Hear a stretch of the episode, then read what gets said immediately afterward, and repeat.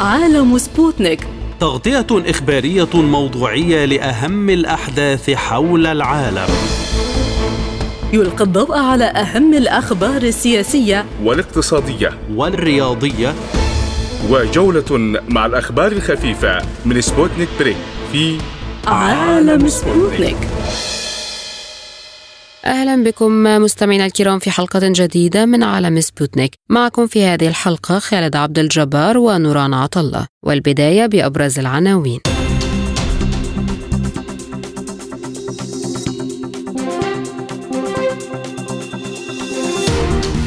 الاتحاد الأوروبي يؤيد دعم خطة لتسريع نقل الذخيرة إلى أوكرانيا وزيادة الإنتاج العسكري. الجيش الأمريكي يطالب بمضاعفة الميزانية الدفاعية وزير الدفاع يقول إن واشنطن ستزود أوكرانيا بدبابات برامز من مخزون البنتاغون اتفاق سوري سعودي على عودة العلاقات الدبلوماسية وبدء محادثات بوساطة روسية إماراتية.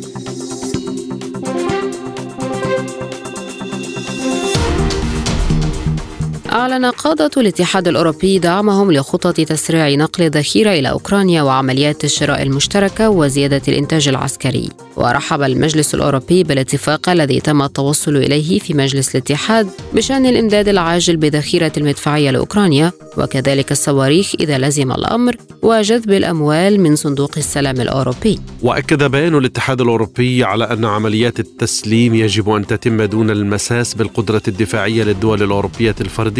وكان مسؤول السياسة الخارجية بالاتحاد الأوروبي جوزيف بوريل طالب وزراء دفاع الاتحاد بتقديم المزيد من الذخائر الموجودة في المخازن الأوروبية إلى أوكرانيا مشيرا إلى أن آلية مرفق السلام والأمن مستعدة لتخصيص مبلغ أولي يقدر ب 100 مليون دولار لدعم كييف بالذخائر التي تحتاجها. من بيروت ينضم إلينا دكتور أمين حطيط الخبير العسكري والاستراتيجي بعد التحية. هل هناك تأثير ميداني لقرار الاتحاد الأوروبي في المبدا دائما القوى العسكرية آه، تقاس بأخذ الاعتبار بعامل السلاح وعامل التجهيز. ولكن هذا العامل إن لم يكن آه، مرتبطا بشكل وثيق بالعامل البشري والقدرات من حيث العديد وحيث الكفاءة يبقى محدود التأثير.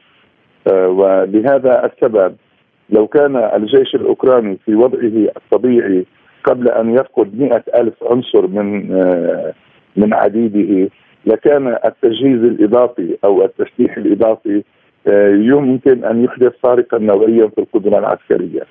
أما في في ظل الوضع القائم فإن إمكانية التأثير على القدرات العسكرية آه، بواسطة السلاح الذي يزود به الغرب أوكرانيا هو تأثير محدود للغاية ولا يشكل في الميزان العسكري الميداني قيمة مضافة تؤثر على إمكانية الأداء وعلى نتائج المواجهة من أين ستدعم دول الغرب أوكرانيا بكل هذا العتاد في ظل نقص المخزون الاستراتيجي لها؟ آه، أمير آه، الغرب بدأ يستنفذ الاحتياط الموجود لديه من السلاح والذخيرة وهذا أمر بات محسوما وبات واضحا ويبدو أن الغرب بدأ يستعمل آه، السلاح والذخيرة المعده لوحداته القتالية.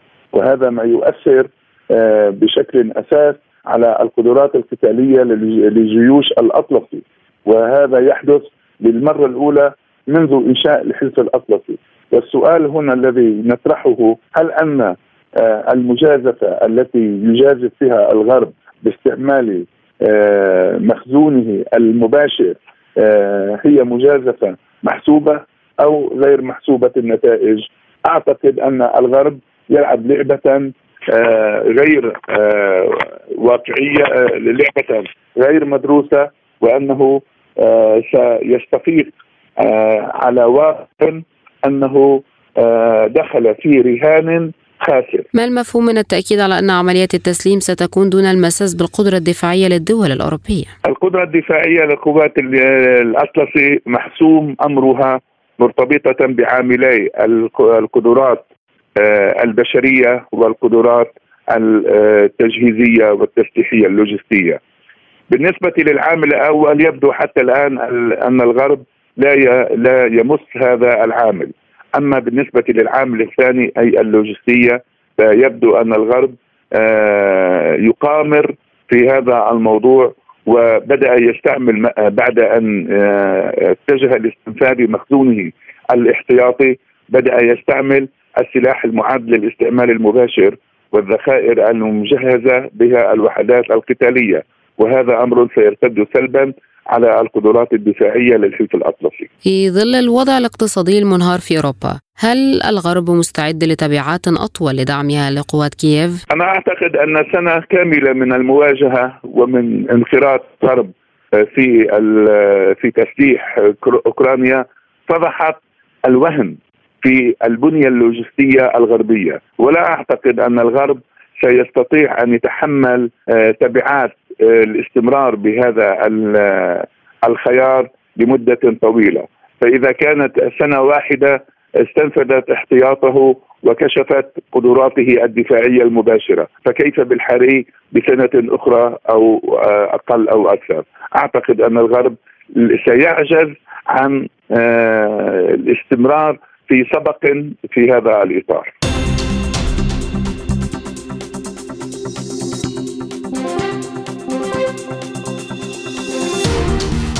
قال رئيس هيئة الأركان الأمريكية المشتركة مارك ميلي إنه سيتعين على بلاده مضاعفة ميزانيتها الدفاعية القياسية إذا أدت الأزمة في أوكرانيا إلى انهيار النظام العالمي وبدء صراع القوى العظمى. واشترط ميلي خلال جلسة استماع في الكونغرس عودة أوكرانيا إلى وضعها الطبيعي لتخطي حرب عالمية ثالثة بين القوى الكبرى والحفاظ على النظام الذي تم تشكيله بعد الحرب العالمية الثانية. من جهته أعلن وزير الدفاع الأمريكي لويد أوستن عن أن واشنطن تعتزم إمداد أوكرانيا بدبابات إبرامز المتاحة للبنتاغون وأوضح أنه سيتم إرسال دبابات من المستودعات الخاصة للوزارة وليس جزء من عملية الشراء. وكان المتحدث باسم البنتاغون باتريك رايدر أعلن أن أمريكا قررت نقل نسخة قديمة من دبابات إبرامز إلى أوكرانيا من أجل تسريع عمليات التسليم من القاهرة معنا المتخصص بالشأن الأمريكي أستاذ عاطف الغامري بعد التحية هل تخشى الولايات المتحدة من تطور الأزمة في أوكرانيا إلى انهيار النظام العالمي كما أشار رئيس هيئة الأركان؟ هو طبعا المؤكد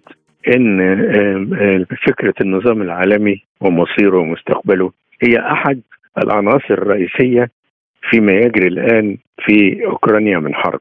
طبعا آه، ممكن أن يكون هناك آه، تعاطف أمريكي آه، مع أوكرانيا لأسباب عديدة أنها تبقى جزء أو متحالفة مع أمريكا بالذات ومع العالم الغربي. وده أساسي. لكن كان من ضمن الأهداف الرئيسية لدخول أمريكا الحرب إن النظام الدولي تخشى أن يتحول نتيجة لصعود روسيا وطبعا مع وجود الصين طبعا كقوة كبيرة وهي أقرب إلى آه، روسيا إن ده ممكن أن يؤدي إلى تغيير النظام العالمي الذي تهيمن عليه الولايات المتحده وهي لا تريد ذلك. وكل التصرفات الأمريكية من بداية حرب أوكرانيا قائمة على ذلك. وأنا اذكر طبعا طبعا فترة كنت بشتغل في أمريكا آه، يمكن حتى من أوائل التسعينات آه، أو بداياتها كان في دراسات كتير جدا آه، نشرت في أمريكا في مجلات متخصصة في السياسة الخارجيه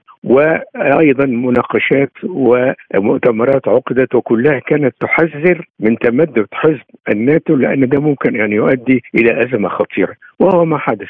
فطبعا المسألة قبل أوكرانيا فكرة النظام الدولي وتغيره كانت تسيطر على التفكير السياسي الأمريكي. لماذا يريد الجيش الأمريكي زيادة مضاعفة ميزانيته الدفاعية وربط ذلك بالوضع الاقتصادي؟ هو الحقيقة مسألة زيادة الميزانيات الدفاعية ابتدت تبقى ظاهرة آه، عند دول كثيرة مش أمريكا بس يمكن ألمانيا فرنسا آه، دول أخرى. ابتدت نتيجة لأن دلوقتي أصبح العالم داخل في آه، سياق حروب. ما هو محدش عارف إمتى هتنتهي هذه الحرب.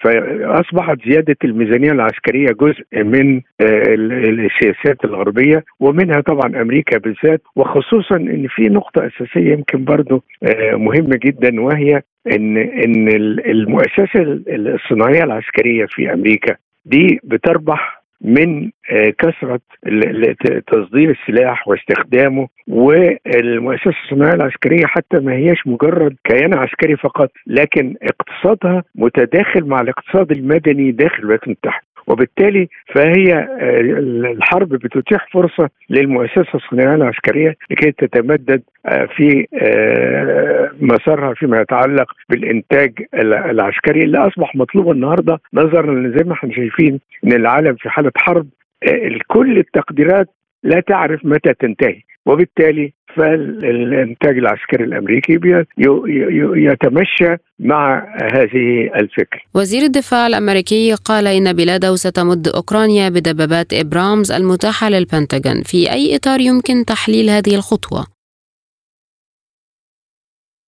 هو طبعا الواضح طبعا إن كانت الولايات المتحدة بتتوقع مثلا إن هذه الحرب وما يحيط بها من آه، تحالف مع دول الناتو كل ده ممكن أن يؤدي إلى نوع من التكسير آه، أو كسر القدرة أو القدرات الروسية في آه، بشكل كامل يعني أو بشكل كبير.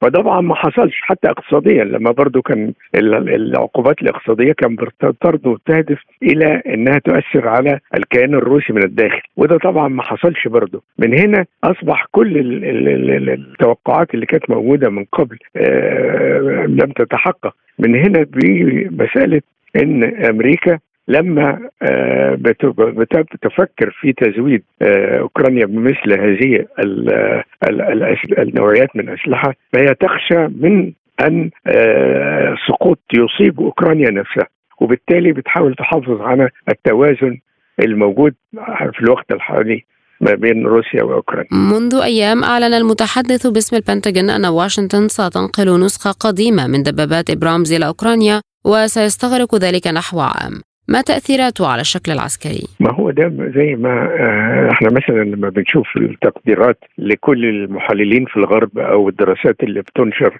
واللي بتجري إن ما فيش توقع اولا ما فيش آه، توقع لأن الحرب تنتهي في 2023 بل إن بعضهم آه، قال إن ممكن إنها تمتد أيضا إلى 24 فطالما إن التوقعات لا تنتظر إن ممكن إن الحرب تنتهي خلال سنة أو سنتين فبالتالي كل السياسات الأخرى والعسكرية آه، بتمشي في آه، آه، هذا الاتجاه اللي هو الاستعداد اللي ما يمكن أن يحدث من إطالة أمن الحرب وما تحتاجه أوكرانيا أيضا من أسلحة من نوعيات معينة زي ما التي أعلنت عنها الولايات المتحدة.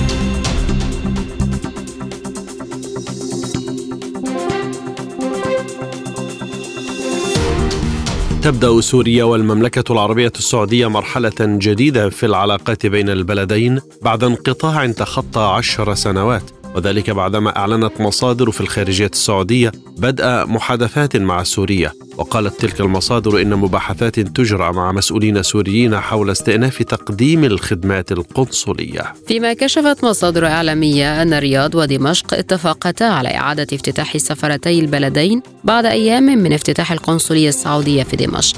وقالت المصادر إن وساطة روسية إماراتية أفضت إلى تذليل العقبات أمام البلدين وسط ترجيحات بافتتاح القنصلية السعودية بدمشق بعد عيد الفطر.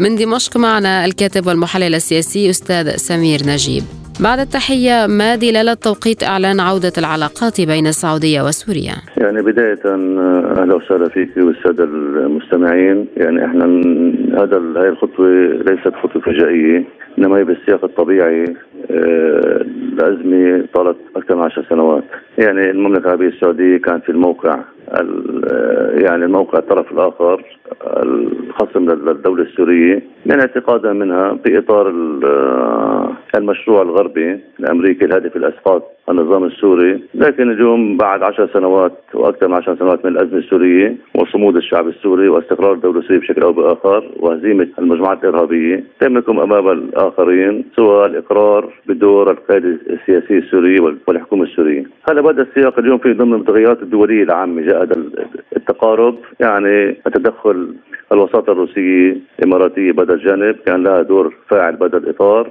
الانحدار أو الانعطافي بالسياسة الخارجية السعودية باتجاه الميل نحو الشرق على حساب الغرب كل هذه المعطيات أتت توجت ما يسمى يعني العلاقة إعادة العلاقة آه، الطبيعية مفترض ما بين الدول العربية أطراف أعضاء بالجامعة العربية ما بين سوريا والمملكة العربية, المملكة العربية السعودية. هل تفضي هذه الخطوة إلى عودة العلاقات بشكل كامل بين البلدين؟ يعني هذا المتوقع. يعني اليوم اليوم في يعني معنى تهدئة الأجواء في المنطقة. يعني التقارب الإيراني السعودي تعكس نفسه حكما على العلاقة السورية السعودية. اليوم آه، يعني حسب بيان وزير خارج وزارة الخارجية السورية قبل أيام أن هناك يعني اتفاق على إعادة فتح السفارات بين الدول بين السعودية وسوريا وتقديري تقدر تقديرات المعنيين خلال شهر أو شهر ونص ستكون هناك عودة علاقات طبيعية ما بين سوريا والمملكة العربية السعودية. يعني ستتوج هذه العلاقة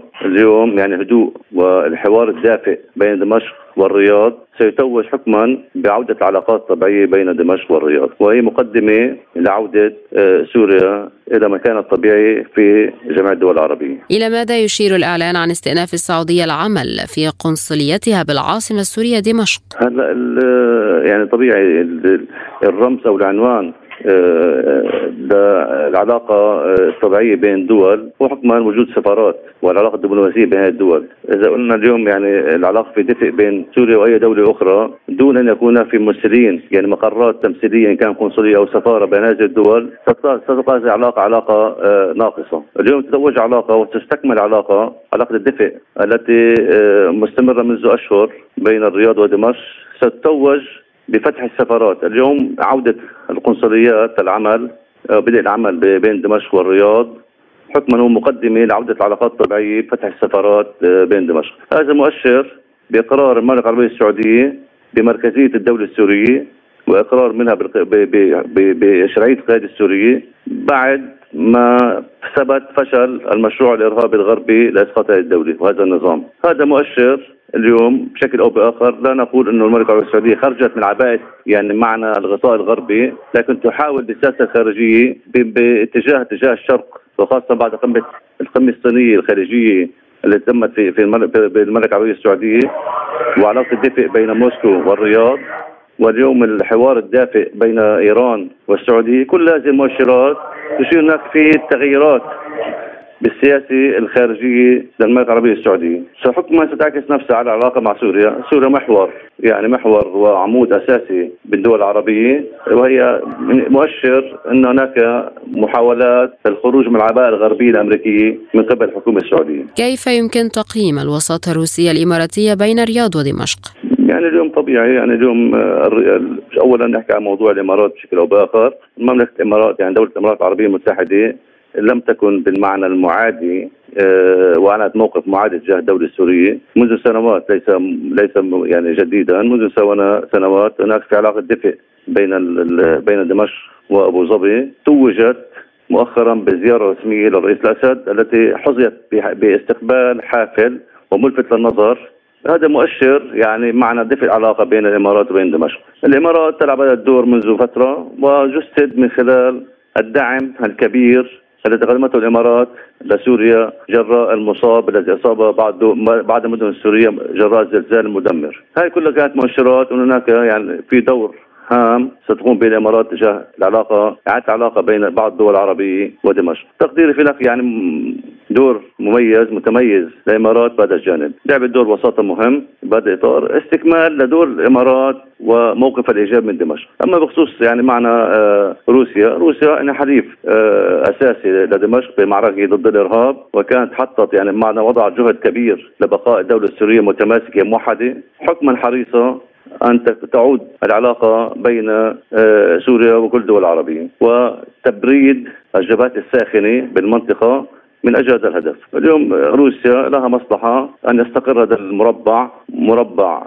آه، محور المقاومة بالعلاقة مع بعض الدول الخليجية. في مواجهة ما يسمى الهيمنة الأمريكية في المنطقة. روسيا لعبت دور أساسي ولعب أساسي اليوم في المنطقة وهي مدركة تماما أي خطوه بهذا الاتجاه هو انتصار لروسيا في معركة المعركة الكبرى مع الغرب المجزر اليوم بالحرب الأوكرانية الروسية. كل تقارب بين الدول التي كانت تأخذ موقف سلبي من دمشق وبين دمشق وانتصار لهذا الخط وهذا الخيار الروسي السوري. بهذا الاتجاه ياتي تأتي الوساطة الإماراتية الروسية تجاه تبريد إذا لم نقل يعني عادة العلاقة الطبيعية بين بعض الدول العربية ودمشق إنما اليوم تبريد يعني ما هو كان ساخن. بناء العلاقة تبريدها كمقدمة لعودة العلاقات الطبيعية بين اغلب بين أو أغلب أو نقول كل الدول العربية ودمشق. وحول هذا الملف أيضا ينضم إلينا من مكة المكرمة الدكتور عبد الحفيظ محبوب الكاتب والمحلل السياسي السعودي. دكتور عبد الحفيظ بداية أسألك أيضا عن دلالة التوقيت في عودة العلاقات بين آه،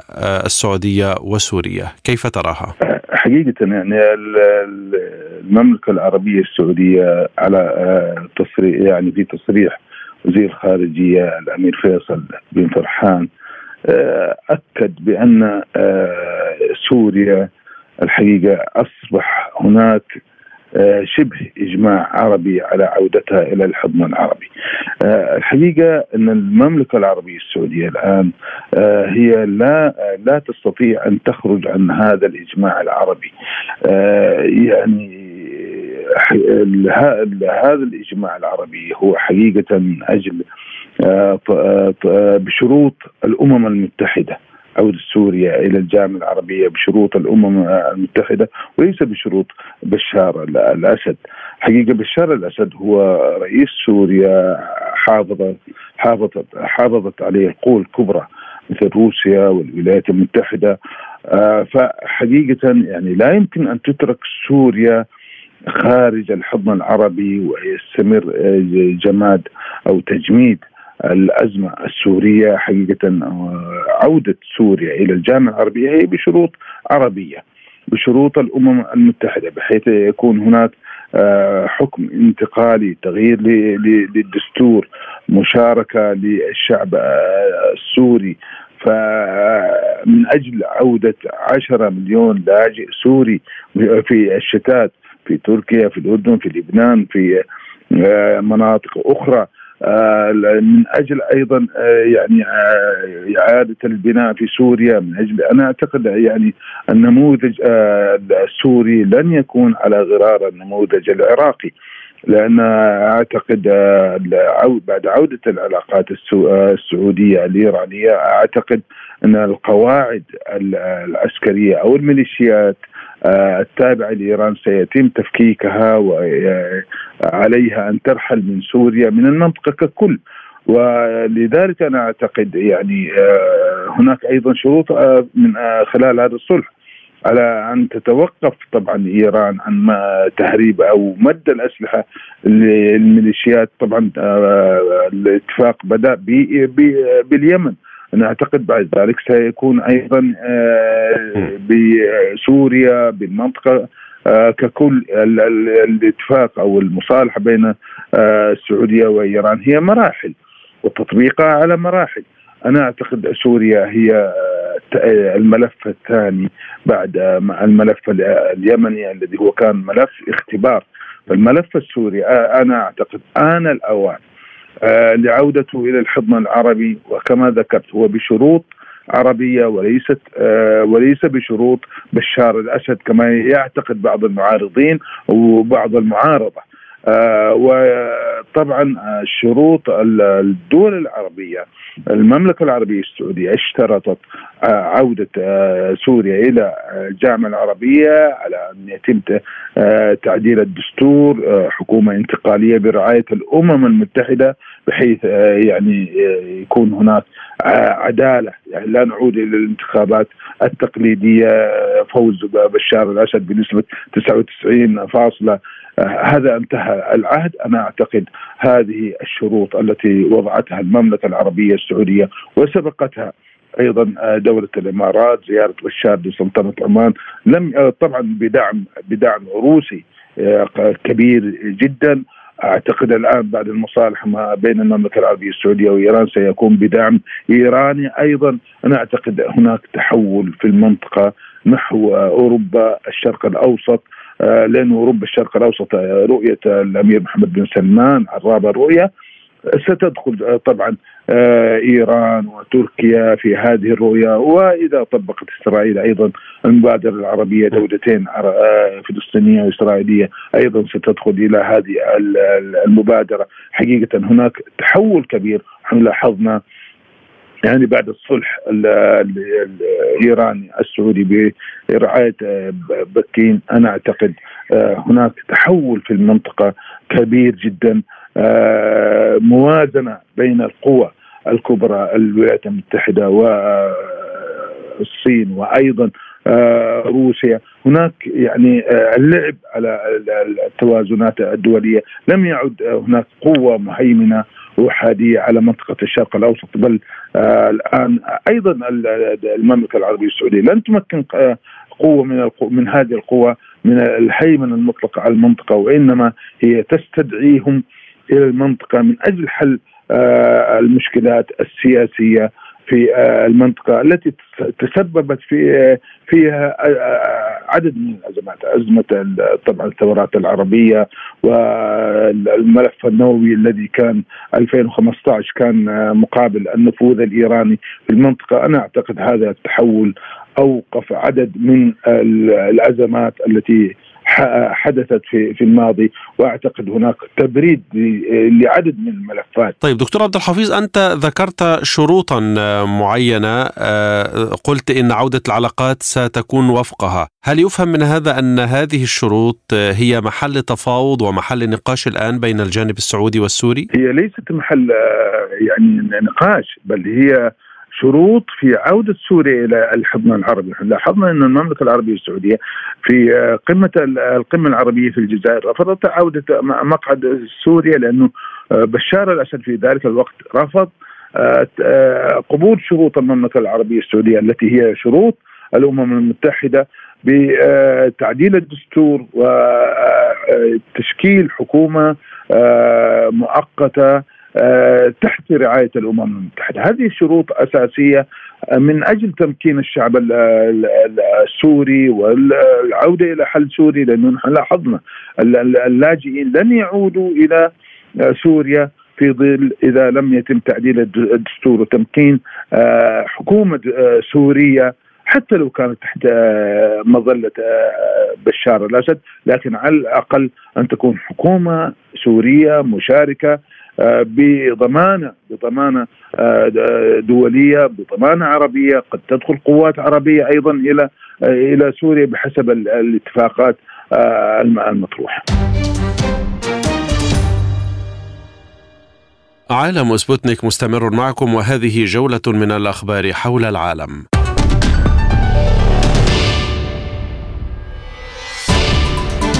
أفاد نائب رئيس مجلس الأمن القومي الروسي ديمتري ميدفيديف بأن تنبؤات الغرب حول احتمال تفكك روسيا بحلول عام 2033 تغذيها الولايات المتحدة والقادة الغربيون ولها جمهور مستهدف ومحدد. وكان وزير الخارجية سيرجي لافروف قال في وقت سابق إن روسيا تمكنت من إحباط الخطط الغربية لتفكيك وعزل روسيا واستطاعت موسكو ضمان التعاون مع الأغلبية في العالم. قال المتحدث باسم رئاسة روسيا ديمتري بيسكوف إن دول الغرب الجماعي بقيادة الولايات المتحدة تمارس ضغوطا وحشية على الدول التي لا تنضم إلى العقوبات المفروضة على روسيا. وأكد خلال إحاطته الإعلامية أن روسيا سوف تواجه هذا الهجوم. مشيرا إلى التواصل الدائم مع الشركاء المعنيين من أجل التقليل من المخاطر. شددت القوات المسلحة الروسية على أن دول الناتو فقط استخدمت ذخيرة اليورانيوم المنضب في النزاعات المسلحة وقال رئيس قوات الدفاع الإشعاعي والكيماوي والبيولوجي بالقوات المسلحة الروسية إيغور كيريلوف خلال إحاطة صحفية إن ذخيرة اليورانيوم المنضب في النزاعات المسلحة كانت تستخدم حصريا من قبل دول الناتو وأشارت الدفاع الروسية إلى أن الناتو أطلق حوالي 40 ألف قذيفة تحوي أكثر من 15 طنا من اليورانيوم المنضب خلال قصف يوغوسلافيا. حذرت الصين الولايات المتحدة مما وصفته بالاستفزازات الأمريكية بعد التدخل العسكري الثاني في المياه المتنازع عليها في بحر الصين الجنوبي. وأشار المتحدث باسم قيادة المسرح الجنوبي في جيش التحرير الشعبي الصيني تيان جونلي أن المدمرة الأمريكية المزودة بالصواريخ الموجهة يو إس إس ميليوس دخلت المياه الإقليمية لجزر شيشة الصينية مرة أخرى في الرابع والعشرين من مارس دون إذن من الحكومة الصينية مما يقوض السلام والإستقرار في بحر الصين الجنوبي. أعلنت وزارة الدفاع السورية أنها صدت هجوما كبيرا لمجموعة مسلحة تابعة لجبهة النصرة الإرهابية على مواقع الجيش في ريف حلب الغربي. وقالت الوزارة في بيان إن مجموعة مسلحة من جبهة النصرة هاجمت مواقع للجيش في منطقة كفر عمة شرق الأتارب بريف حلب الغربي وتم القضاء على أحد عشر إرهابيا من بينهم متزعم المجموعة وإصابة أعداد كبيرة منهم. قال قائد القوى البحرية بالجيش الإيراني الأدميرال شهرام إيراني إن أي تهديد لا يمكنه أن يثني القوات عن مواصلة التقدم وأداء المهمات. وأفادت وكالة ايرنا بأن تصريحات شهرام إيراني جاءت خلال زيارته لجزيرة خارك جنوبي البلاد ووصفها بأنها كانت رمزا للمقاومة الإيرانية خلال الحرب العراقية الإيرانية. وشدد على أن مهمة تأمين الطريق الاقتصادي لبلاده في أقاصي البحار كانت مسؤولية البحرية منذ زمن الدفاع المقدس وحتى اليوم وستستمر في المستقبل.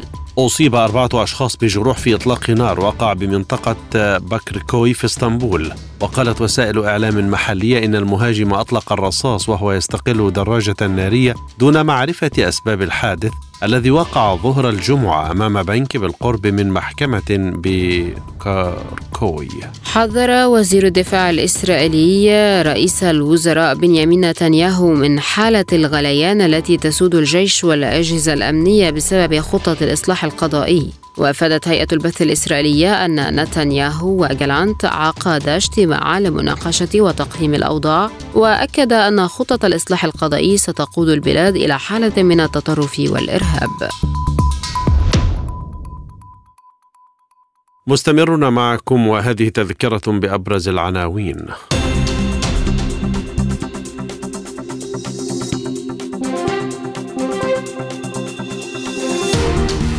الاتحاد الأوروبي يؤيد دعم خطة لتسريع نقل الذخيرة إلى أوكرانيا وزيادة الإنتاج العسكري.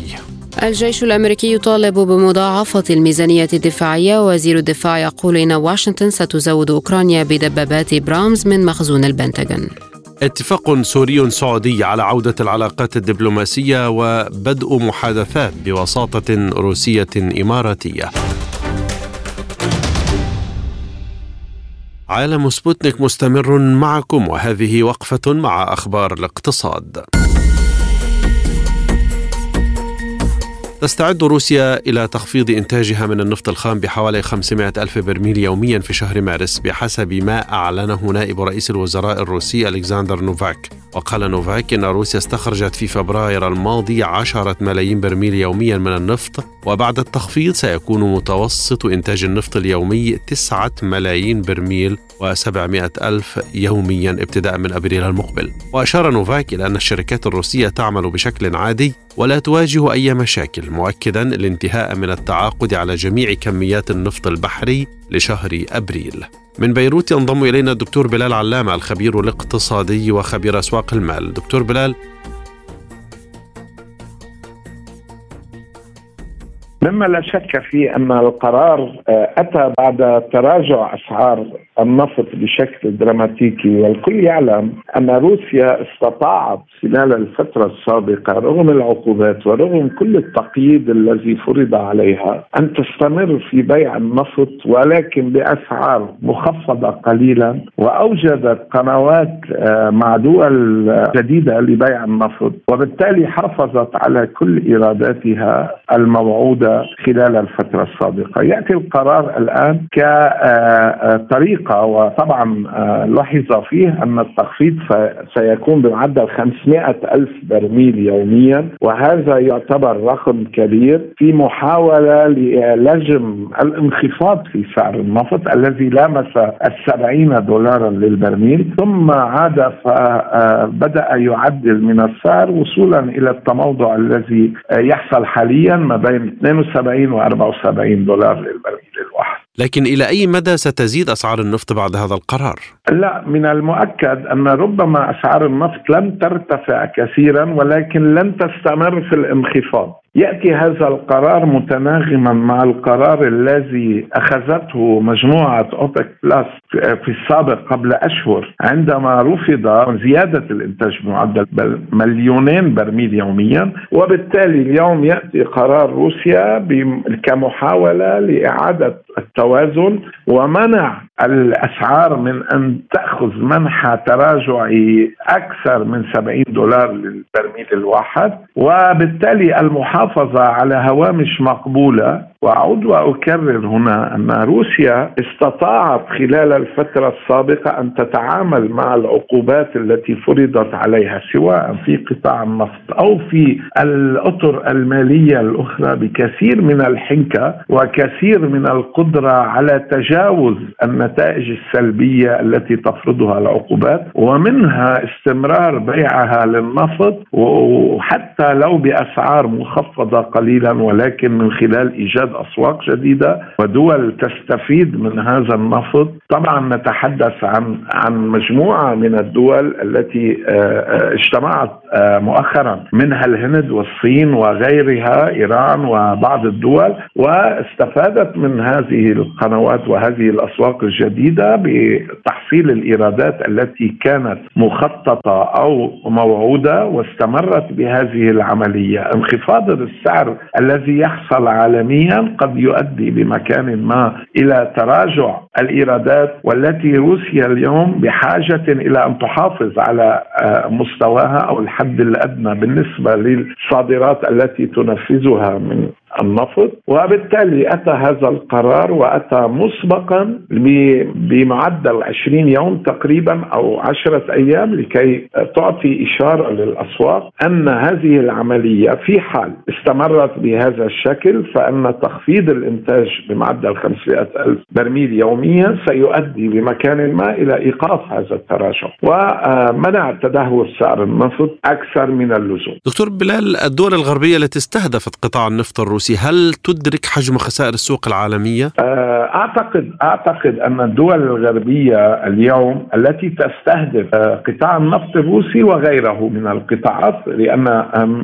مما لا شك فيه أن كثير من القطاعات الإنتاجية في روسيا قد استهدفت سواء بالعقوبات أو بالقرارات التي اتخذت للتقليص أو تضييق وتقييد القطاعات الروسية هي تدرك تماما أن كل العقوبات ارتدت سلبا عليها بما فيها قطاع النفط بحيث من يدفع الثمن اليوم هو الاقتصاد الغربي الأوروبي للدول موزعة ضمن الدول التي دخلت في العقوبات. ومن هذه العملية ننطلق إلى تحليل أن الدول الأوروبية تحاول جاهدة تخفيض سعر النفط النفط لكي تخفف عن كاهلها الصعوبات التي واجهتها وارتداد العقوبات سلبا عليها ولكن للحقيقة كل هذه العملية أنا برأيي سيكون الاقتصاد الغربي والدول الغربية التي اشتركت في هذه العملية هي من ستدفع الثمن في كل الأحوال سواء ارتفع السعر أو انخفض السعر. أخيرا دكتور بلال علامة هل توجد بدائل لمواجهة العقوبات الغربية على السوق النفطي الروسي؟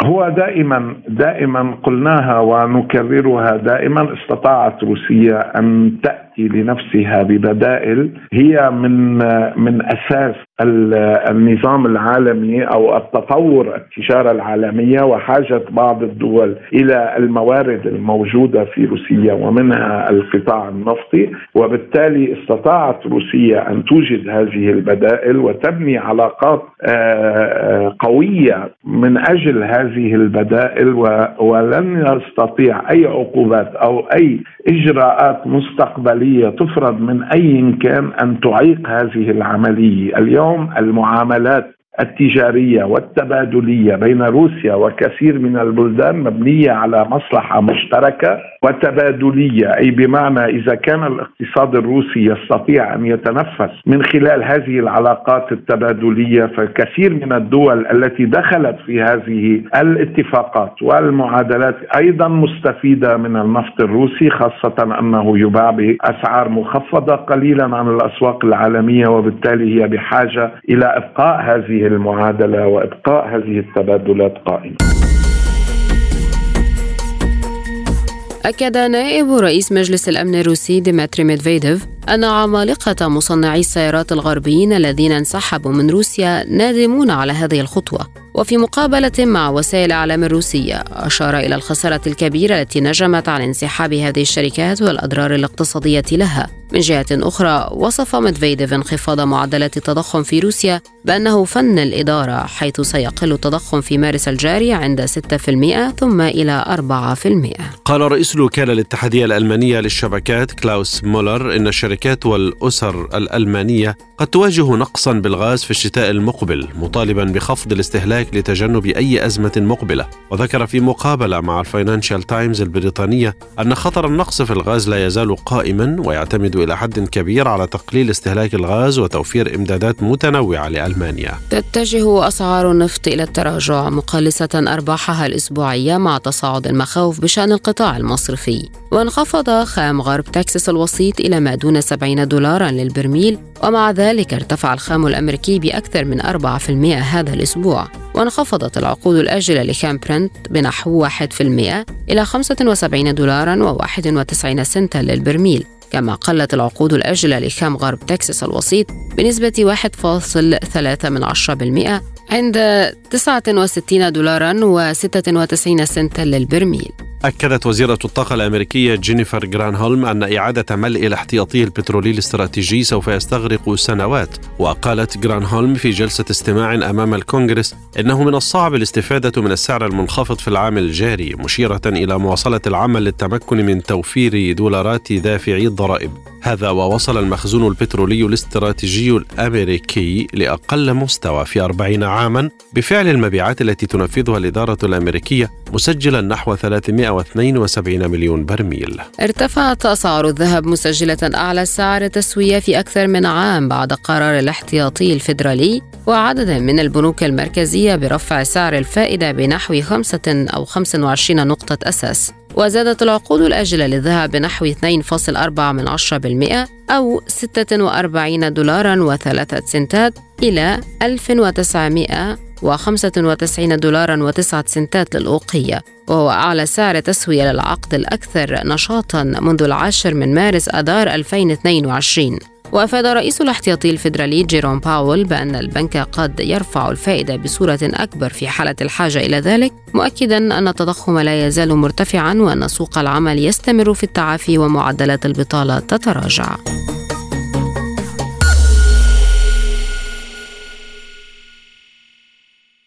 عالم سبوتنيك مستمر معكم وهذه وقفة مع أخبار الرياضة. تعادل المنتخب الروسي لكرة القدم مع نظيره الإيراني بهدف لكل منهما في مباراة ودية جمعت الفريقين على ملعب آزادي بطهران.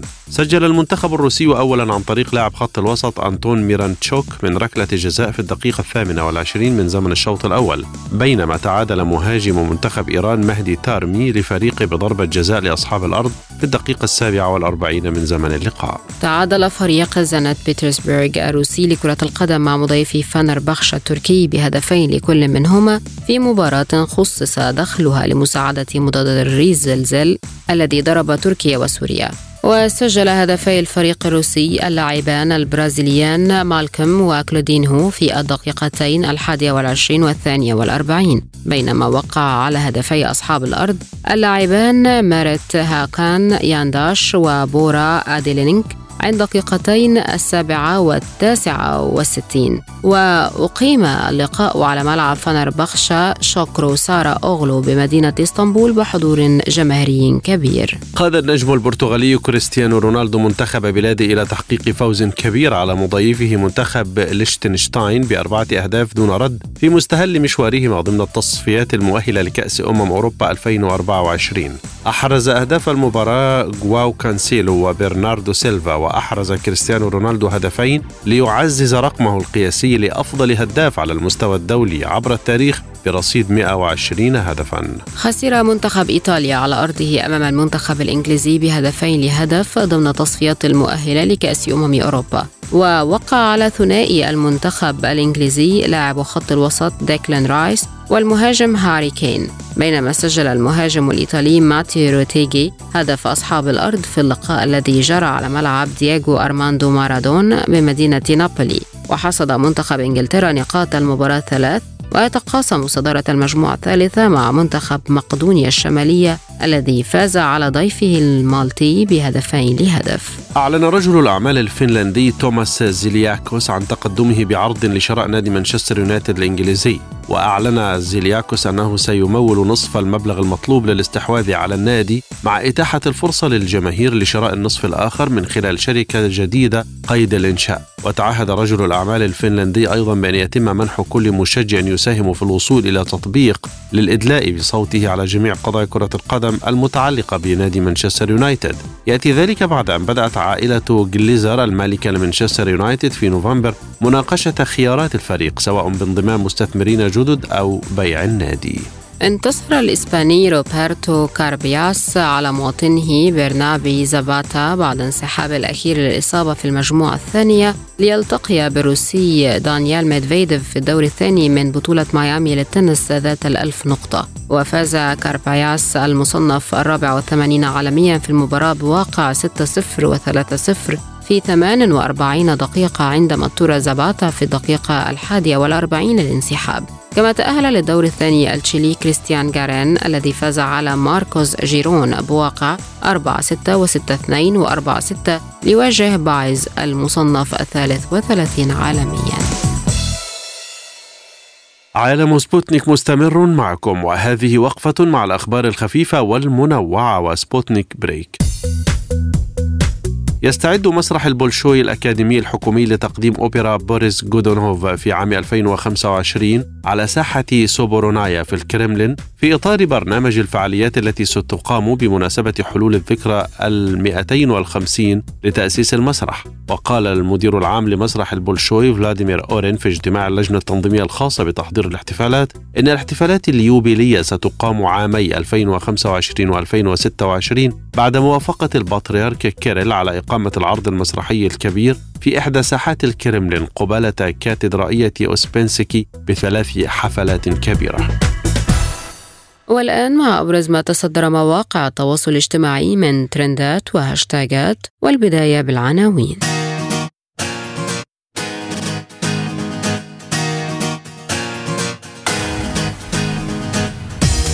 تصريحات للفنان السعودي محمد عبدو أشعلت حربا إلكترونية فماذا قال؟ الأزهر يحسم مسألة ديانة الطفل شنودة بعد جدل استمر شهور تعرف على التفاصيل ما حكاية الأرز المصري الذي يباع في السعودية بسعر أقل منه في مصر؟ تصدر اسم الفنان السعودي محمد عبده مواقع التواصل الاجتماعي في مصر والسعودية بعد تصريحاته الأخيرة حول مقولة مصر أم الدنيا حيث قال الفنان السعودي نحن السعودية اليوم لكل العرب هي بيت العرب وأضاف إن كانت مصر أم الدنيا السعودية أبوها تصريحات محمد عبده جاءت على هامش إحيائه حفلا ضمن جلسات ليالي العاصمة السعودية الرياض حسب ما أظهر مقطع فيديو نشرته شبكة روتانا السعودية. وأثارت تصريحات الفنان السعودي ردود فعل متباينة عبر مواقع التواصل الاجتماعي. وانتقد كثيرون تصريحات عبده فقال محمد إبراهيم آه عفوا كنت هفهمها غلط. أنت محسسني إنها عائلة من أم وأب. يا أخي إحنا شعب واحد وطن واحد أرض واحدة. هو أنا أحلم أن نصبح كذلك لا مصري ولا سعودي ولا غيره أنا عربي وقتها ستكون أمة واحدة.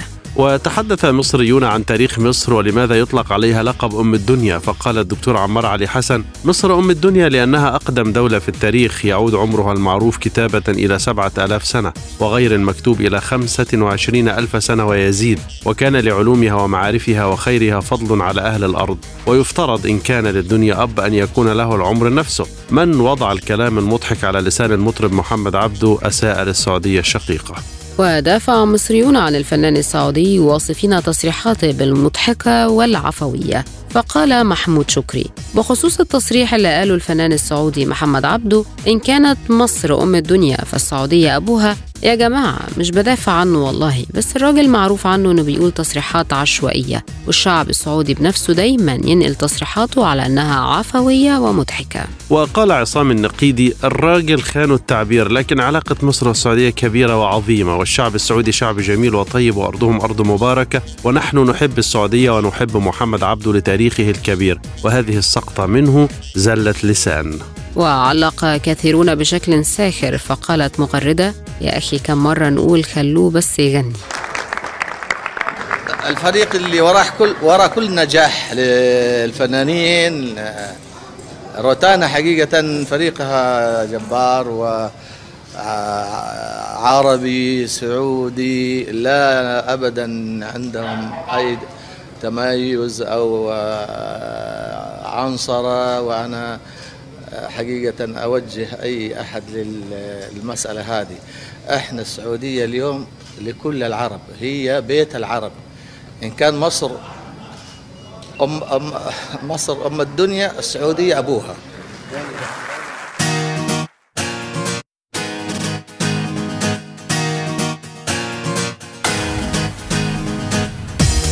من جديد تثير قضية الطفل شنودة الرأي العام في مصر بعد إصدار الأزهر فتوى رسمية تؤكد أن ديانة الطفل مجهول النسب تصبح على دين من وجده وبالتالي يجب أن تعود ديانة الطفل شنودة إلى المسيحية كما كانت من قبل وهي نفس ديانة والده فاروق فوزي وزوجته آمال ميخائيل اللذين وجداه منذ ما يقرب من خمسة أعوام داخل كنيسة بشمال القاهرة بحسب زعمهما وما انتشرت فتوى الأزهر على منصات التواصل الاجتماعي حتى اشتعلت هذه المنصات بآراء متضاربة حول القضية. ولنذكر السادة المستمعين سريعا بالقصة التي تناولناها هنا في هاشتاج في حلقة سابقة منذ شهور. فقد عثر شخصان مسيحيان لا ينجبان على طفل مجهول النسب داخل كنيسة وتبنياه وسمياه شنودة وترعرع شنودة وسط هذه الأسرة القبطية. لكن بعد أربع سنوات وضع في دار للأيتام وفقا للنظام الحالي في مصر إذ يعتبر القانون المصري أي طفل لأبوين مجهولين مسلما طبيعيا. وأطلق الزوجان على الطفل اسم شنودة فاروق فوزي وعاشا معه كعائلة واحدة مدة أربع سنوات قبل أن تقدم ابنة أخت الزوج شكوى إلى مكتب المدعي العام للطعن في نسب الطفل إلى الأسرة الحاضنة إذ قالت إن الطفل اختطفه زوجان وليس ابنهما. لم يتدخل الأزهر بشكل مباشر في القضية لكنه نشر عبر صفحته الرسمية لمركز الفتاوى إجابة على سؤال الاستفسار عن ديانة الطفل الذي عثر عليه داخل إحدى الكنائس. فكانت إجابة الأزهر أن ديانة الطفل لمن وجده ليحسم الجدل الفقهي حول ديانة الأطفال مجهولين نسب دون أن يذكر تحديدا الطفل شنودة. اشتعلت مواقع التواصل الاجتماعي بتعليقات المغردين الداعين إلى عودة الطفل شنودة إلى أبويه. فكتب سيمون سامي يعني مثلا أكون في حضن ماما وبابا وأتاخد بحجة إن دول مش أهلي ده مش كلام منطقي أبدا. ممكن نفعل الهاشتاج ده لأنه مهم جدا على الأقل عشان خاطر الطفل يرجع لأهله. الأم مش اللي ولدت الأم اللي ربت. وكتبت مغردة تقول فاضل إيه لسه؟ كل يوم بيمر بيحفر أثر بشع في نفسية الطفل المسكين ده اللي انتزع من حضن أهله في لحظات ووجد نفسه في مكان غريب. كفى هذه العائلة المسكينة كل هذا الوقت من الأذى. الأديان والإنسانية والرحمة والمنطق يطالبون بحل هذه القضية في أسرع وقت. وكتب حمدي يقول إن أفضل ما كتب عن الطفل شنودة هو بيان دار الإفتاء وهو ببساطة رد الطفل شنودة لمن وجدوه وأعتقد كرجل مسلم أن أضرار أسلمت هذا الطفل تفوق كثيرا منافع تنصيره والله أعلم. بينما عارض مغردون عودة الطفل شنودة لعائلته مؤكدين أنها لم تتخذ الخطوات القانونية منذ البداية في إجراءات التبني. فكتب مغرد ما ينفعش ألاقي طفل في الشارع أو في أي مكان وأتبناه. لازم أروح أسلمه للشرطة وبعدها أتبناه بطريقة رسمية وبشكل قانوني. المسألة مش فوضى. وكتب عماد الأثر يقول تأييد بعضهم لعدم عودة الطفل لأبويه صحيح لأنه إذا ولد الطفل مجهول النسب يكون بالفطرة مسلما فيما لا يجوز تبنيه لأسرة غير مسلمة من الأساس. وكتب رودي يقول إن المشكلة القضائية مع عائلة الطفل هي تزويرهم لأوراق نسبه التي تشير لأنه ابنهما بالفعل وليس بالتبني. وكتب ياسر يقول قلبي موجوع على مستقبل هذا الطفل البريء سيكبر شنودة يوما ما وسيتعرف بنفسه على قصته. فالإنترنت موجود ومحتفظ بقصته. مش قادر أتخيل كسرة قلبه لما يكتشف أن المجتمع صنفه أنه طفل لقيط بلا أب أو أم. القرار أولا وأخيرا لربنا. وأنا طالبة يعني طبعا دلوقتي ما كانش ابني ابني هيجيني ب بالمحكمة يبقى سيادة الرئيس هو اللي يجيبهولي. هي القصة آه، شنودة كان في كنيسة؟ وفي حمام الكنيسة وحضرتك يعني من خمس سنين فاتوا كان في تفجير. يعني كان في تفجير في الكنايس. إزاي واحدة مسلمة هتخش الكنيسة وهو كان في تفتيش؟ أو الوقت ده كان في تفتيش. وكان اللي يخش ببطاقة. يعني إزاي؟ يعني ما فيش واحدة مسلمة هتخش.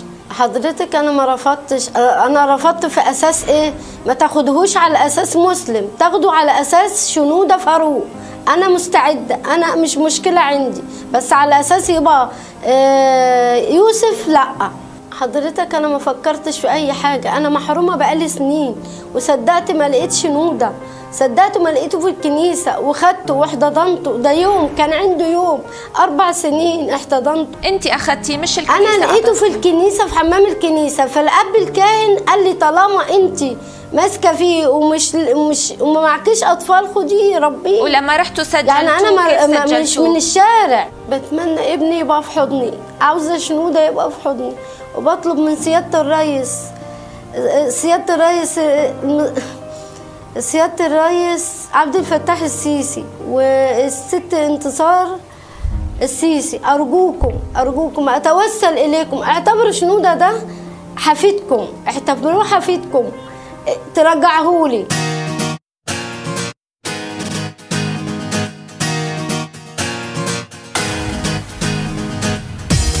ضجت مواقع التواصل الاجتماعي غضبا في مصر بعد تداول تغريدات تتحدث عن بيع الأرز المصري في السعودية بسعر أقل من مستواه في مصر. وبدأت القصة عندما قدم كارفور السعودية عرضا ليوم واحد في الحادي عشر من مارس آذار. على أرز الأهرام المصري وزن 5 كيلوغرامات ب 13 ريال أي ما يعادل نحو 21 جنيه للكيلو وبحسب وسائل إعلام محلية فإن سعر الأرز السائب والمعبأ في مصر ب 26 جنيها وتبين أن السعر خارج الخصم حوالي 20 ريال وهو ما يعني أن الكيلو بالسعودية ب 33 جنيه وشهد مصر. الأرز في مصر ارتفاعا كبيرا خلال الأشهر الماضية بنسبة وصلت إلى الضعف أحيانا وذلك بسبب التضخم الذي شهدته مصر في الآونة الأخيرة. وتداول مستخدمون صورا لإعلان متجر كارفور واصفين ما يتم تداوله بالإعجاز الاقتصادي. وائل الشاذلي كتب يقول كيلو الأرز المصري واقف في السعودية على ما يعادل 21 جنيه ونصف وهو نفسه بيتباع في السوبر ماركت اللي تحت بيتي ب 28 جنيه وده قمة الإعجاز الاقتصادي. واعتبر الناشطون أن تصدير الأرز المصري هو تصدير للمياه المصرية بحيث أن فدان الأرز حوالي 4200 متر مربع يستهلك حوالي 3000 متر مكعب من المياه على حد قولهم. وفي المقابل انتقد كثيرون ما يتم تداوله عبر مواقع التواصل الاجتماعي مؤكدين أن ما يتم بيعه في بعض الدول هو اسم نوع الأرز الأرز المصري وليس ما يتم زراعته في مصر.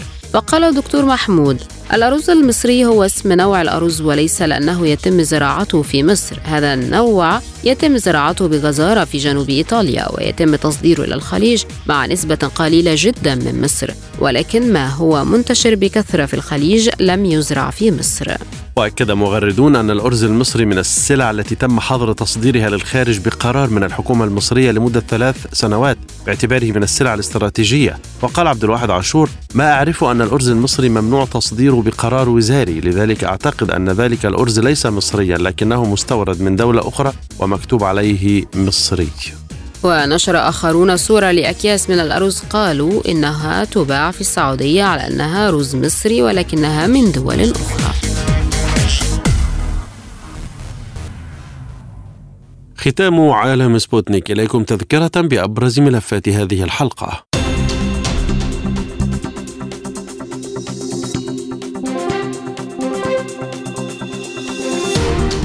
الاتحاد الأوروبي يؤيد دعم خطة لتسريع نقل الذخيرة إلى أوكرانيا وزيادة الإنتاج العسكري. الجيش الأمريكي يطالب بمضاعفة الميزانية الدفاعية ووزير الدفاع يقول إن واشنطن ستزود أوكرانيا بدبابات أبرامز من مخزون البنتاغون. اتفاق سوري سعودي على عودة العلاقات الدبلوماسية وبدء محادثات بواسطة روسية إماراتية. للمزيد زوروا موقعنا سبوتنيك إلى اللقاء.